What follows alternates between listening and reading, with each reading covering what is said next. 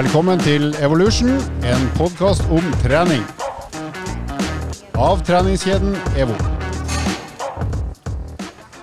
Hei sann, folkens. Vi er tilbake i Evolution, og i dag har vi gleda oss eh, til sending eh, ganske lenge. For at vi skal ta opp igjen det her prosjekt Toppform på ti uker med hun Trude, som eh, har holdt på og trent med Lars i ti uker, og heldigvis har fortsatt også etter det. Så vi skal snakke med henne om de resultatene hun har oppnådd på de ti ukene. Så det gleder vi oss til. Men uh, før det så uh, må vi informere om Andreas. Han er borte i dag pga. sykt barn, tror jeg. Stemmer ikke det, Lars? Jo, han har inntatt papparollen. Ja, som, han har tatt den seriøst for en gangs skyld. Ja, for en gangs skyld så er det ikke bare bleieskift, nå ja. var det litt mer. Han skrev melding om at han måtte være barnevakt i dag. Ja. Og det er vel det dummeste en pappa kan gjøre, for det er jo ikke barnevakt når man har egne barn. Stemmer ikke det, Trude?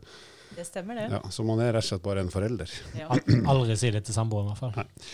Så uh, Andreas han er da hjemme med sykt barn, eller så er han syk sjøl, eller så kanskje begge er syke. Jeg vet ja. ikke. Men, uh, det er sport på TV, vet du. Ja, det er sport på TV. Snart OL òg. Men uh, Lars er her. Hei, Lars. Hei, hei. Halvor er her. Hei, Halvor. Og Trude skal snart få si hei. Du kan få si hei nå. Hei, hei. Hei. Eh, men i dag er en litt spesiell dag, eh, og det fant vi ut for eh, nøyaktig én time siden. Det kom nemlig informasjon på alle nettavisene om at en trenerlegende har gått bort. Nils Arne Eggen, mangeårig Rosenborg-trener og spiller. og ja, Han har jo vært trener i Moss bl.a. Og han har, han har, rett og slett satt preg på norsk fotball og norsk idrett i, i hvert fall i 40 år, kanskje 50. Ja, jeg vil si i hvert fall 50. Jeg mener han tilbake inn på 1960, første gang han var inne vel i, i Rosenborg i en eller annen forstand, tror jeg. Ja, så har han vel egentlig frem til nå vi, Det er ikke lenge siden vi leste om at han hadde vært inne til samtale med Rekdal, eller motsatt. Rekdal har vært inne til samtale med Nils Arne og fått noen eh, velmente råd om hvordan Rekdal skal nå løfte Rosenborg til nye høyde igjen. Ja. Så det var litt kjipt, så vi skal ikke legge, dempe stemninga på livet til folk, men det, men det, er jo eh, greit å minnes han. Og i den forbindelse så må vi jo spørre oss sjøl hva er de beste eggenvinene vi har. Skal jeg prøve meg med ett først, eh, Lars? Og det er jo generelt alle pressekonferanser han var med på som gikk på engelsk, var ganske morsomt. For han er veldig engasjert på alle språk, og så er han jo egentlig best på trøndersk. Han er jo egentlig ganske dårlig engelsk. Så hans evne til å formidle fotball og engasjement på trønderengelsk, som er ganske egentlig språklig sett på lavt nivå, det, det husker jeg alltid gleda meg i de Champions League-pressekonferansene. Å se at han klarte å få journalister til å skjønne hva han mente, uten at han egentlig snakka forståelig. Ja, han skapte iallfall mye latter, og det, det, gir jo en sånn karakter en helt annen standing, både internasjonalt og i norsk eh, fotball, eller idrett generelt. Altså. Det er noen sitater som går igjen eh, i mitt hode, og det er jo den ene mot Real Madrid der, eh, når han eh, så fint etter kampen sier ja, skal, den skal vi jo ha, den eh, Real Madrid. Den prøvd! ja. Godt eh, trøndersk, men det er en av de som sitter igjen. For den gangen var jo Real Madrid kanskje et av verdens beste fotballag. Og når Rosenborg eh, var oppe her og, og, og, både ga dem ordentlig kamp og ikke minst eh, Tror det var vinter 97 eller 98, sånn tipper ja, jeg, var det ikke? Kan, kan nok stemme. For det var rundt 96, 97, 97, 98. De var ekstremt gode i Champions League der, og det var jo jæklig gøy, for å bruke et uttrykk. 2045 eh, og flomlysene på, og trønderlaget kom ut til hymnen. Mm. Og så er det ett et med Mini, Mini Jan Ivar Mini Jacobsen, som òg sitter igjen, der han jeg lurer på det var på en trening der han formidler at han eh, Han spør om de kunne avslutte treninga.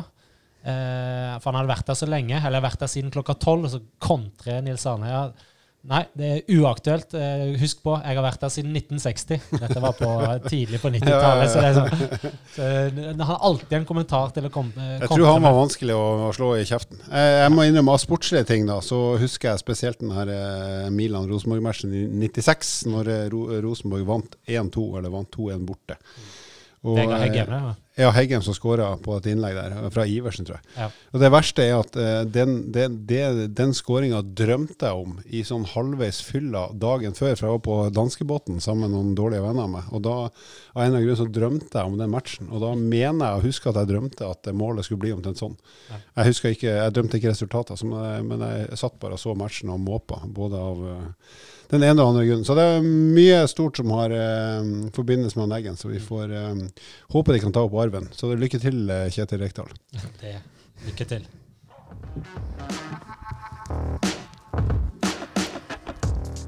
Nå skal vi snakke med ei som er sprell levende, og du skal leve lenge, skal du ikke det, Trude? Ja, kjempelenge. Ja.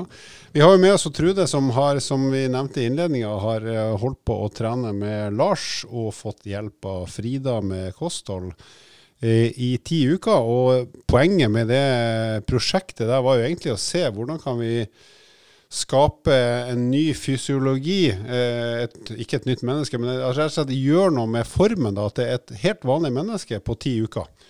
Og det må jo sies, Trude, du var ikke noe i noe katastrofalt dårlig form, egentlig. Hvordan vil du beskrive deg sjøl liksom før starten, ti uker, altså når du begynte på uke null, sånn fys fysisk? Ja, altså jeg følte jo ikke at jeg hadde noe ja, at det var noe ille, kan du si. Nei, men, eh, men jeg følte at det manglet litt energi og styrke og overskudd. Mm. Mm. Ja, for du, du, var egentlig, og det er du jo fortsatt, men altså, du var helt, helt vanlig norsk dame i helt normal form, som ikke er kjempegod form, men heller ikke elendig. Men vi føler at ok, kanskje det hadde vært litt kult å gasse på litt. Du, det er jo viktig her å si du er 36 år, samme som meg, så vi er jo i vår beste alder. Ja, ja. Er du fortsatt 36, altså? ja fortsatt. Ung og lovende. Og så kommer du fra en yrkesgruppe som, der du jobber i barnehage, så du er jo for, forholdsvis aktiv i barnehagen sånn i utgangspunktet. Så var det noe som mangla, og det var jo litt mer struktur i treningen. Ja. Ja, Det kan vi vel veldig ærlig være på Det kan eh, vi å si. kan si det sånn. Ja.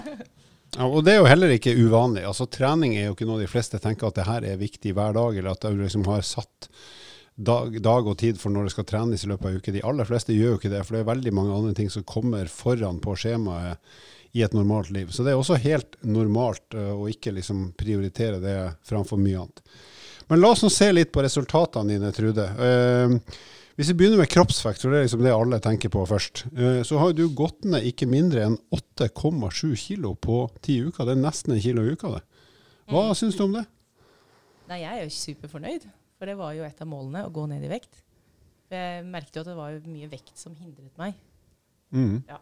Hvor mye trodde du, eller håpa du, at du skulle klare å gå ned på de ti ukene? Jeg hadde jo selvfølgelig et håp på ti kilo, men da var ikke jeg sånn fornuftig, sånn som Nei, nei, men du hadde ønsket, ikke sant? ja. Og hva tenker du, Lars? Hva tenkte du i utgangspunktet? For nå vet du jo svaret, men hva trodde du når dere begynte? Nei, når vi begynte, vi, vi, For det første så starta vi med å snakke litt om hva som er realistisk. For det er jo liksom viktig å ha til, legge til grunn at man eh, har et realistisk mål om eh, et tall. Eh, og der snakker vi om alt fra en halv til en kilo i uka. Eh, som et eh, optimistisk mål, men som var realistisk.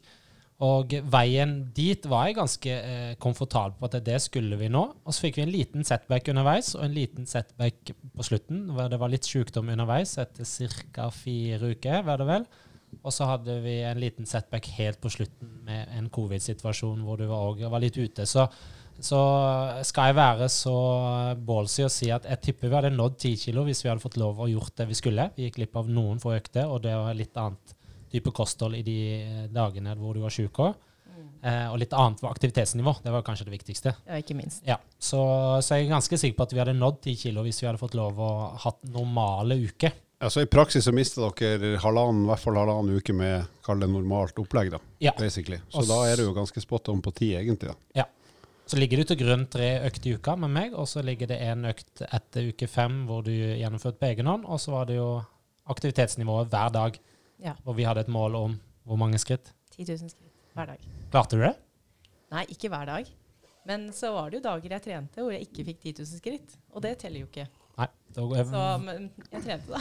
ja, du var akt Du får ikke vist noe, liksom. Men Kan jeg spørre, sånn cirka hvor mange skritt har du hatt i gjennomsnitt daglig, hvis du bare skal tippe sånn i de ti ukene? Er det sånn 6000 eller 7000, eller? Nei, gjennomsnittlig i Ja, sånn i snitt. perioden Ja. så var det åtte, kanskje. Nå, nå ble det jo veldig mye mindre, færre skritt da jeg var sjuk. Ja, Typ selvfølgelig. 700 skritt på en dag, ikke sant? Ja, ja men det, det, det er lov. Ja. Så du har egentlig ligget og dunka på pluss 8000 skritt på normale dager. Ja. Så sa du at kostholdet var litt annerledes når du hadde covid. Hvordan ser et covid-kosthold ut? Hadde du, hadde du smakssans? Ja. Jeg eh, Da hadde du flaks. Den. Ja, nei, men jeg mistet den noen dager bare. Eh, Ja. Ja, du mista rett og slett matlysten eh, i den perioden. Så ser han på deg. Nei, jeg skjønner, ja. Jeg, alle som ser på meg, mister matlysten. Så det er den beste slankekuren. Bare se på meg. Har skjermbilde av meg på telefonen, så slipper du å gjette. Ja, men det, altså, det kan vi jo si. Vi har jo snakka litt om det her, at januar er slanksesong, men da snakka vi om at det er det normale å si at en halv kilo i uka er overkommelig over tid. Og så, var vi, så sa vi at ja, men det går jo an å få til mer òg. Men da må du jobbe for det, og så kan du ikke forvente at det skjer hver uke. Men vi har jo sagt at ca. en kilo i uka er fullt mulig, men da, da, krever det en innsats hver dag. Så vi må jo si ut fra det vi kan, og vi har jo faktisk studert det her, så er det rett og slett en ganske god jobb du har gjort hver eneste uke for å få til det resultatet. Jo, så det skal du ha.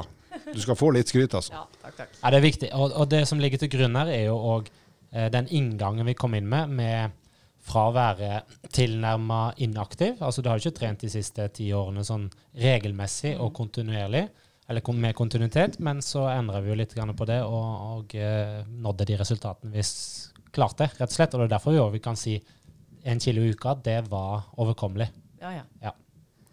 Men du har jo uh, fått flere resultat. Vi har jo også målt uh, reduksjon i fettmassen. Og av de 8,7 kiloene du gikk ned i vekt, så har det jo gått ned 6,1 av de som tap av fettmasse. Og Det er jo også et resultat som vi må kunne si er langt bedre enn det som en normal vektreduksjon skulle tilsi. Ja. Du kan jo si litt om det, du Lars, som har gjort testen. Ja, eh, og dette er jo da basert på en, eh, en eh, analyse som er brukt på apparat Tanita. og det vil si man, man, måler kroppssammensetningen, altså fordeling mellom da, muskler og fett og vann i kroppen. Sånn som et veldig enkelt utgangspunkt. Og Det som er fint med den testen, er jo at man får eh, en, en, et resultat gang til gang. Og det er jo det som gir oss sammenligningsgrunnlaget her. Så det er jo viktig å ta til, ta til, legge til grunn. Og så hadde vi jo et mål om å endre kroppssammensetning, for du vil jo én, gå ned i vekt, men vil, vil bli sterkere og få mer synlige muskler.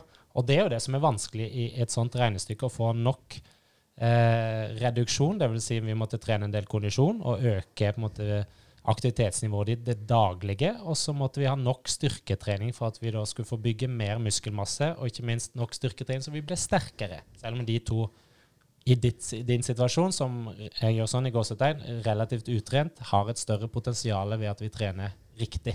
Men kan jeg spørre deg, Trude, Hadde du noe forhold til Du hadde et ønske om å gå ned i vekt, 10 kilo. Hadde du noen tanke om om det skulle være fettmasse eller muskelmasse, eller bare tenkte du at 10 kilo det tallet jeg vil ned? Her hadde du noen refleksjon om hva, hva, hva er de 10 kiloene, hva skal det være for noe? Det var jo tanken at det var fett, selvfølgelig. Mm. Jeg vil ikke miste muskler. Nei, nei, nei. nei. Men visste du på forhånd hva som sannsynligvis var lurt for å bevare muskelmassen, da, og helst bare fjerne fett? Eller har du lært noe om det underveis? Ja, ja. Jeg har lært mer enn nå. Ja, ja. ja. Absolutt. Mm. For normal... Ja, ja. Han er ikke så verst. Eh, men for det, normalt sett så er det vel sånn rundt 50-50 fettmasse og muskelmasse som forsvinner i en sånn klassisk måte å gå ned i vekt på, men da er det jo mindre trening enn du har gjort. Så vi må jo si at jeg har lykkes med å ta vare på en veldig stor andel av muskelmassen din, eh, sånn at så mye av uh, vekttapet faktisk er fettmasse. Mm. Og Det som òg kan være verdt å nevne her, er jo uh, hvordan vi kom dit. Og vi hadde jo et fokus på innlæring av teknikk. Dvs. Si vi måtte jo sørge for at du ikke ble skadet underveis, og opprettholdt uh, på en måte, progresjonen og motivasjonen. Så vi trente jo veldig standardisert. altså Enkle øvelser som knebøy, markløft, sittende roing. Uh, Stående roing, nedtrekk, pushups hadde vi en del på. Hadde dere liggende roing òg? Hvordan er det det fungerer? Jeg skal vise det etterpå, men det får ingen andre se. så, så, så, det lå jo til grunn eh, til at vi nådde de resultatene vi eh, nådde. Og i forhold til måte, hvordan vi trente, så lå vi et sted mellom 6 til 12 repetisjoner på de ulike øvelsene, og 3 til 4 sett sånn i utgangspunktet. Så det er jo i utgangspunktet òg et enkelt oppsett, men samtidig så må det jo Det som skiller de som lykkes og ikke lykkes, er jo at de gjennomfører det. Veldig enkelt sagt. Kontinuitet. Dette vi snakka mye om. Og så hadde du en morsom test der du skulle bevege deg så langt som mulig på 12 minutter på ei tredemølle. Og i første uka så klarte du å komme deg 1760 meter på 12 minutter. Hvordan eh, hadde du det rett etter at den testen var slutt? Var du utmatta? Ja, det var grusomt. Hvor sliten var du? Jeg husker jeg var veldig sliten. Ja. Jeg er ikke glad i å løpe. Jeg har aldri vært glad i å løpe. så det var jo ikke noe morsom test. Men uh, fokuset er jo å komme seg gjennom, ikke sant? Så håper på det beste. Hadde, hadde du noen tanke eller forventning om kondisjon da, når du sa etter den testen, altså når du var sliten og hadde løpt 1700, drøyt 1700 meter, hadde du noen tanke om hvordan det skulle bli etter hvert? Ja, For meg så visste ikke jeg hva det betød der og da. ikke sant? For jeg har jo ikke noe Nei, du har ikke noe å re referere det til. Nei. Det var bare tall. Ikke sant? Mm. Så eh, ja. Nei, jeg håpet jo selvfølgelig at det, Det som, det er, blir bedre. ja, det som er verdt å si her, er jo at man styrer sjøl på denne, her, selv om vi standardiserer når vi kjørte på en tredemølle. Så er det opp til deg å styre eh, hastigheten når man løper. At man, hvis man har litt å gå på, så tar man litt opp. Og hvis man begynner å bli sliten rett og slett, så etter ti minutter, så må man kanskje litt ned igjen på farten. Så her styrte jo du alt sjøl, og egentlig bare mål komme så langt som mulig. Mm. Og det er jo den testen her standardisert standardisert er, går ut på, og den heter da Cooper. Eh, og det fins masse sammenligningsgrunnlag, da, og derfor vi valgte denne som en distansetest, da, som eh, veldig lett er overførbart. Ja, så mål, Den varer jo 12 minutter, så den måler jo litt viljestyrke òg etter hvert. For på 12 minutter så rekker jo alle å bli veldig sliten. Ja, Det kan man jo bli veldig fort, og så må du holde på i 12 minutter likevel. Så hadde vi et veddemål, da, eller i hvert fall hadde noen gjetninger på hvor, hva skulle sluttresultatet her bli. Eh, for du hadde da 1760 meter var liksom det du kom på, i mål på i uke null. Og da kan jeg jo lese opp hva vi tippa, vi forskjellige. Du, Trude, du tippa jo 2260 meter. Andreas tippa 2300 meter, og undertegnede tips, eh, tippa 2269. Og Lars tippa 2200. Og hva ble sluttresultatet, Trude? Husker du det? Det er ikke nøyaktig. 2170 meter. Stemmer. Ah. Så det betyr jo nummer én at det er en ganske betydelig framgang. Over 400 meter framgang. Og ikke minst at Lars, som er treneren din, eh, visste best. Han traff basically spot on. Jeg slutta å heie på slutten. Nå kan du roe ned. Nå har det gått 12 Ja. minutter. 3-2-1. Hvordan var opplevelsen av den siste testen, sammenligna med den første? Jeg antar du ble sliten begge gangene, det er jeg helt sikker på. Men hva, hvordan var liksom tankene dine underveis? Jeg var jo eh, mer forberedt på sluttesten. Men eh, det var også første kan du si, treningen etter covid. Så Ja. jeg var eh, Jeg skal innrømme at jeg holdt Jeg føler etterpå da at jeg holdt litt igjen. For jeg turte ikke å pushe meg selv like mye som jeg kanskje kunne ha gjort. da. Men det er jo ikke rart heller, da, hvis du vet du har vært syk og ikke er helt sikker på hvor god formen er og hadde helsa hadde sikkert kommet over 500. Jeg tror du hadde, jeg tror du hadde endt på 2269, altså. Eller hva? Garantert. Men var du like sliten, eller du sier du holdt litt igjen i hvert en stund, var du like sliten i, på siste testen som første? Ja, jeg var jo sliten. Jeg holdt jo et høyere tempo. Jeg var jo, ja.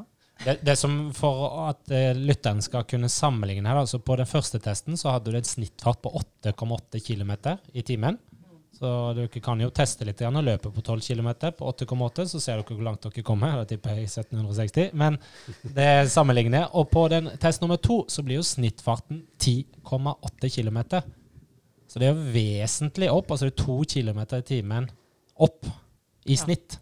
Så det er jo verdt å ta med seg at du løper jo helt annerledes, og samtidig Ja, vi hadde covid i bakgrunnen, og det er viktig å påpeke at vi, vi ville jo ikke ta noen sjanser, så vi venta jo x antall dager, og, og etter, etter um, du var friskmeldt og hadde Mm. siste negative test, og så holdt vi litt grann igjen med tanke på hvor hardt vi kunne presse deg. Så der var det liksom mer den subjektive opplevelsen og pulsen din vi, vi baserte litt på. Du har økt med over 20% Det er ganske mye, altså. Og så har du i tillegg vært sjuk rett før, så eh, det er ganske godt gjort, rett og slett. Jeg vil jo si at når du er i stand til å løpe såpass fort, såpass lenge, så er du i så god form at treninga i seg sjøl, som du gjør, som du er i stand til å gjøre, betyr mye i det daglige for å opprettholde formen og vekta på alt det du har oppnådd. Mens i starten av prosjektet her, så var formen din var jo ikke elendig, men den var ikke så god at treninga betydde så mye dag for dag som den etter hvert gjør. For når du er, nå er du i så god form at når du trener 30-40 minutter, så får du jo gjort masse. ikke sant?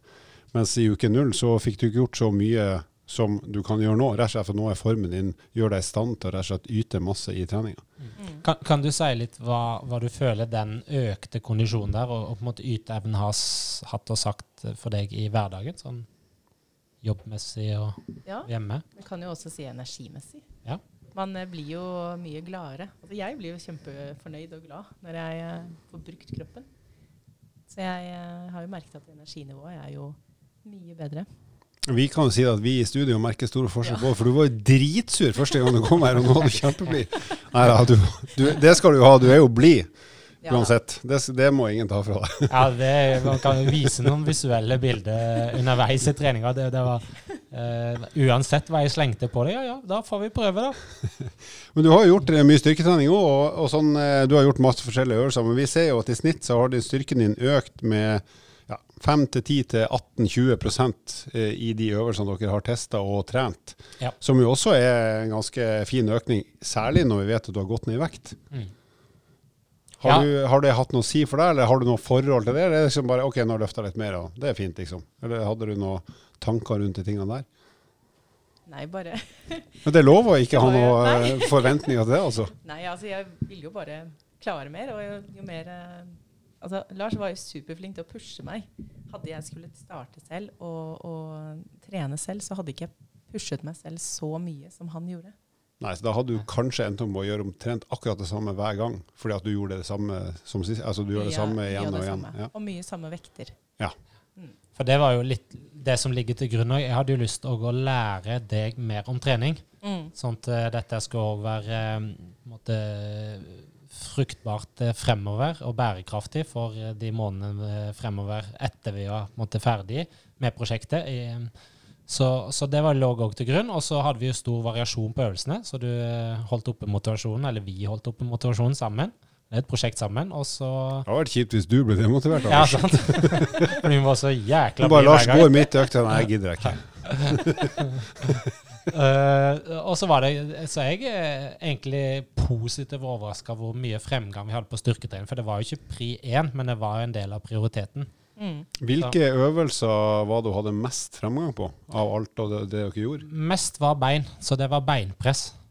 Ja. Eh, der hadde vi størst fremgang i antall kilo, så der var vi på 18 Og Merk dere det, damer og jenter, og unge og gamle kvinner. Altså det er, nå vet vi at det er utrolig mange jenter og damer som trener styrketrening. og Det er liksom lenge siden folk skjønte at det ikke er noe farlig. Men det er ingen grunn til å la være. Og dere kommer til å ha like stor fremgang som gutter. Og helt ærlig, mange av dere jenter er mye sterkere enn bl.a. meg og eh, mannfolk i samme alder, rett og slett for at dere ofte har bedre teknikk.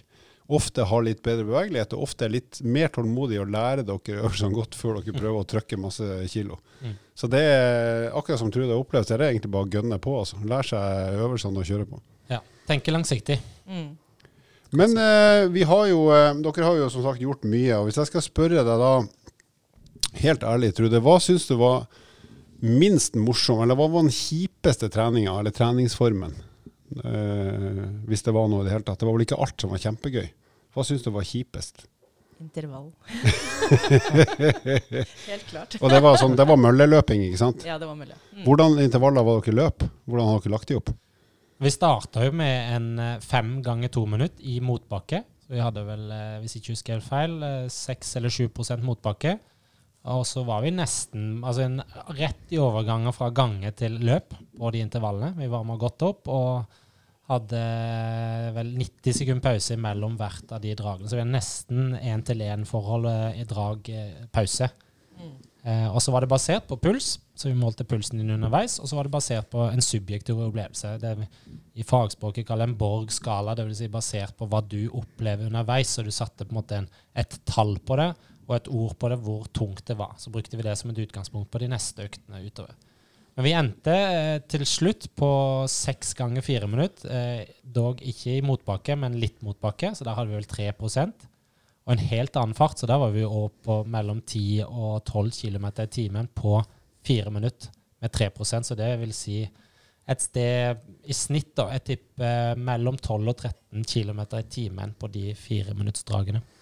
Hvis du tenker deg all intervalltreninga du gjorde, du starta med to minutter og endte opp med at du kjørte fire minutter. Hva, ok, ingen av, ingen av delene var spesielt morsomt eller hyggelig, men hva, var, hva liker du best i Altså, hva slags måte å legge opp intervalltreninga syns du fungerte best for deg? Var det tominutterne, eller var det fireminutterne, eller var det noe annet midt imellom? Nå hadde vi jo ikke så god tid, så når jeg ble først komfortabel med én type intervall, så gikk vi videre til neste. Akkurat. Takk for det.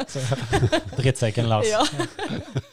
Men hvis du nå da ser tilbake og tenker ok, nå skal jeg ha, nå skal jeg ha min egen intervalløkt, hvordan ville du lagt den opp da, basert på det du har erfart? Jeg ville nok eh, rådført meg med PT-en min først, og så Men hvis du bare tenker hva syns du er mest ålreit, hvis du må ha en intervall? Hvor lang pause var det på tre minutter? På tre minutter så hadde vi 90 sekunder. Ja. Jeg tror jeg kanskje hadde begynt med det nå. Ja, så kjør tre Jeg tror vi bare fikk én gang med fire minutter. Stemmer. ja. Så vi gikk fra to minutter til tre minutter, og så økte vi litt antallet tre minutter. Så gikk vi på fire, og så økte vi antallet på fire. Så var det to økter vel på fire minutter. Men. Ja, for det er jo generelt et tips da, hvis man ikke er vant til intervalltrening, og spesielt hvis man ikke liker det, som jo er helt vanlig, så kan det jo være lurt å ikke ha så veldig lang intervall før du får pause. Mm. Så det som Lars og dere gjorde, å starte med to minutter, er sannsynligvis mye lurere psykisk enn å begynne med fire-fem minutters dag. For hvis du syns det er trist i utgangspunktet, så blir det jo i hvert fall ikke noe morsommere å holde på veldig lenge før du får fri. Så da er det heller bare å øke antall drag Mm. før du liksom skal begynne å holde på veldig lenge, før du får lov å puste litt. Ja, så hadde vi en tommelfingerregel at hvis vi trengte lengre pause, dvs. Si, i forhold til pulsen, at den sank til et visst nivå, så tok vi litt lengre pause. Så det var ikke noe sånn at det var skrevet i stedet det måtte være 60 eller 90 sekunder, men nok til at vi da var klar for neste dag, så vi fikk fullt utbytte av det draget. Nå skal jeg spørre deg et spørsmål som jeg alltid er interessert i. Hvilket av dragene i øktene syns du var verst? Var det første eller siste eller andre? Eller hva? For jeg har nemlig en teori om det, men jeg, Ja. jeg skal ikke si det før du har svart. Når vi hadde fem drag, så tror jeg fjerde jeg, jeg husker jeg løp og så det. Det er slitsomt, det er tungt, Lars! ja, han sto likegyldig ved siden av bare ja ja, hva skal jeg gjøre med det, liksom? Du må Så bare fortsette. nest, sist, Ja. nest siste var det verste. Ja, jeg tror det var eh, det var, det, det var da, i hvert fall. Ja. Ja, ja. Jeg tror du satte ofte ord på at det, det kanskje tredje siste og nest siste er ofte tyngst. Mm. Mens i mitt hode, så kan du få si hva du tenker, i mitt hode så er ofte det første draget tyngst. Bare for å komme i gang og få eh, på en måte kjent på tempoet, kjent på pulsen, intensiteten osv. Eh, det jeg kan knytte til akkurat den, er jo òg hvor god man er på oppvarminga, hvor tydelig man er på hvor lenge man varmer opp, og hvilken intensitet man har hatt på oppvarminga. Så den forskjellen blir, kall det, minst mulig. Men min teori og min opplevelse sjøl på de fleste intervall er at første er et helsike å bare komme i gang. Jeg syns første og andre er verst. Eh, eller for å si sånn, når jeg begynner i intervalløkt, så håper jeg alltid at i dag er jeg i kanonform, så at det her kommer til å gå mye føles mye lettere enn jeg frykter. da. Mm. Men det er jo veldig sjelden det skjer. så det første og det andre, for da er det så lenge igjen før du er i nærheten og er ferdig. Ja. Så det er min personlige psykiske utfordring, det at eh, jeg håper alltid å få det første billig, eh, for da går det liksom bra. Men eh, det er jo sjelden det skjer. Eh, ja. Men det er litt kanskje den spenninga å lure på hvordan funker det her i dag. Ja. Og det tror jeg er litt sånn variabelt i forhold til hvor mye du har trent òg, for du vet ofte sant, For hver gang du trener, Trude, så vet du jo tydelig og tydelig hva du går til. Og hvis du ikke liker det og det er tungt, så vet du at det blir jo det uansett. Men jeg har en liten sånn teori der med tanke på at jeg var så Kan du kalle det dårlig form da, i forhold til dere? Så er det første draget lettere for meg. Fordi da har jeg mer energi å ta av.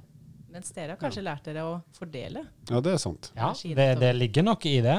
Og så er det en viktig ting som jeg tenker lytteren kan ta med seg, er jo nivået vårt er jo litt høyere enn en gjengs eh, mann i gata. Ekstremt mye Ja, høyere. I Ja. hvert fall ditt. Eh, i hvert fall ditt så, så det man kan eh, prøve seg litt frem på, er jo å ha en god oppvarming, kanskje litt lenger enn man vanligvis gjør, og så at man er oppe på en viss intensitet, så ikke overgang fra oppvarming til drag blir så eh, stor.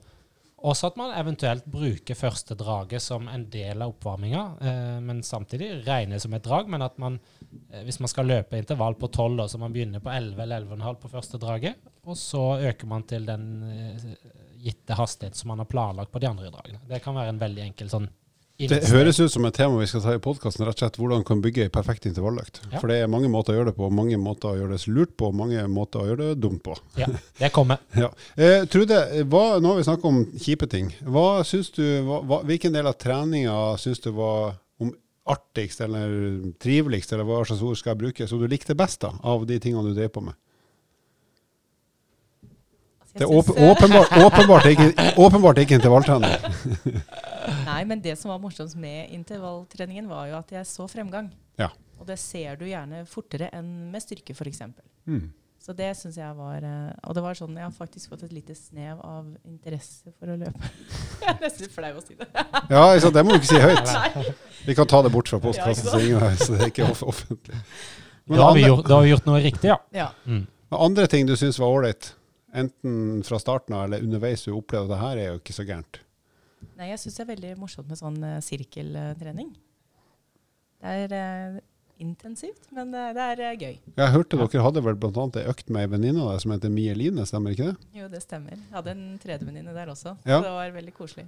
Og da, da blir det vel litt sånn et innslag av litt konkurranse òg på et vennskapelig nivå, gjør det ikke det? At Ja. man har lyst til å vise seg litt det, fram? Jeg følte det kick inn, altså. Ja. For det går rykter om at du presterte meget bra nemlig på den økta der. Ja, Ja. Jeg, jeg, jeg kan jo si at den økta var kanskje den jeg husker best, sånn all in all, fordi vi var tre stykk. Og det var en, en fredagskveld før fredagstacoen, og det var god stemning. Og underveis så merka jeg at det var litt sånn konkurranseinstinkt i dere. Det vil si, man skulle liksom ikke ta og gjøre det dårligere enn partneren eller den som sto på motsatt side osv. Og, så og dette var jo bygd opp på prinsippet på, på tid. Det var x antall sekunder. Vi jobba 40 sekunder på og 20 sekunder av. Så hadde vi tre runder på x antall stasjoner. Så vi gikk bare rundt og rundt og gjorde masse forskjellige øvelser. Da var det mye smil og latter, og man får pusha hverandre. Og det er noe med å ha noen ved siden av seg som man ikke skal gjøre det dårligere enn. Mm. Altså Det å være sammen med andre, om det er en PT eller venninne eller venner, det er ganske ofte ganske lurt. For da blir treninga litt mer en opplevelse enn bare å holde på sjøl. Og mye mer eh, motiverende. Ja. Mm. Og så hadde vi på de sirkeløkene Du lærte jo en del nye øvelser der. Altså Vi hadde- Mm. var gjennom eh, både romaskin, altså ro, konsept 2, som man har på de fleste treningssentre nå, og skierg. Ikke minst stakemaskiner fikk vi jo testa ganske bra. Der òg hadde vi jo god fremgang i, i både teknikk og i forhold til hvor eh, tungt du syns det var. Mm. Første gang tror jeg det var helt pyton, Ja. og så ble det litt grann bedre. Hadde bare hørt en, rykter om denne stakemaskinen. ja, det er en spesiell sak. Du, eh, hva nå etterpå, og nå sier jeg etterpå, det betyr ikke at du er ferdig. Du, vi skal snakke om eh, hva du skal gjøre etter de ti ukene. Men sånn, hvis du ser tilbake på de ti ukene, og dit du har kommet på ti uker, hva er det du er mest fornøyd med for din egen del? Jeg er egentlig fornøyd med alt. Um, for det var jo Det var jo ti uker. Det gikk jo veldig fort. Um, og jeg merket jo etter fem uker eller noe sånt, at den, den, det gira motivasjonen den hadde dalt litt. da. Så jeg Mm. måtte jobbe litt mer med meg selv. Men så plutselig så var jo alt ferdig. Men eh, det at jeg har gått ned, det at jeg har fått bedre kondis og føler at jeg er sterkere i kropp, flatere mage ikke minst, det er viktig for oss damer. Ja, ja, ja. Det er viktig for oss gutter òg. Men vi vil ha flat, vi vil ha flat rumpe òg, da. Nei, nei. Nei, men det vil, jeg vil ha det. Flat mage, flat rumpe. Det får du bare et reelt beauty-bilde. Ja, ja. Nei, så jeg er veldig fornøyd med resultatet på alle plan, egentlig. Ja, Så kult. jeg er veldig fornøyd. Det, det, da kan jeg jo si det, folkens, for nå skal vi gå inn for landing, som de sier på Gardermoen og tidligere på Fornebu, eh, i denne episoden her. Men vi skal treffe Trude igjen om ikke så veldig lenge, og da skal vi høre hvordan det går med henne etter at hun er ferdig med de ti ukene. For nå er hun ferdig med de ti ukene. Og så skal vi høre med henne etter et par uker i en fase der hun er litt mer overlatt til seg sjøl. Men kanskje hun fortsatt har noe profesjonell hjelp. Det får vi høre mer om. Så inntil da så får Lars lov å si carbonara. Sayonara. Vil du vite mer om trening? Abonner på podkasten og sjekk ut vårt treningsmagasin på evo.no.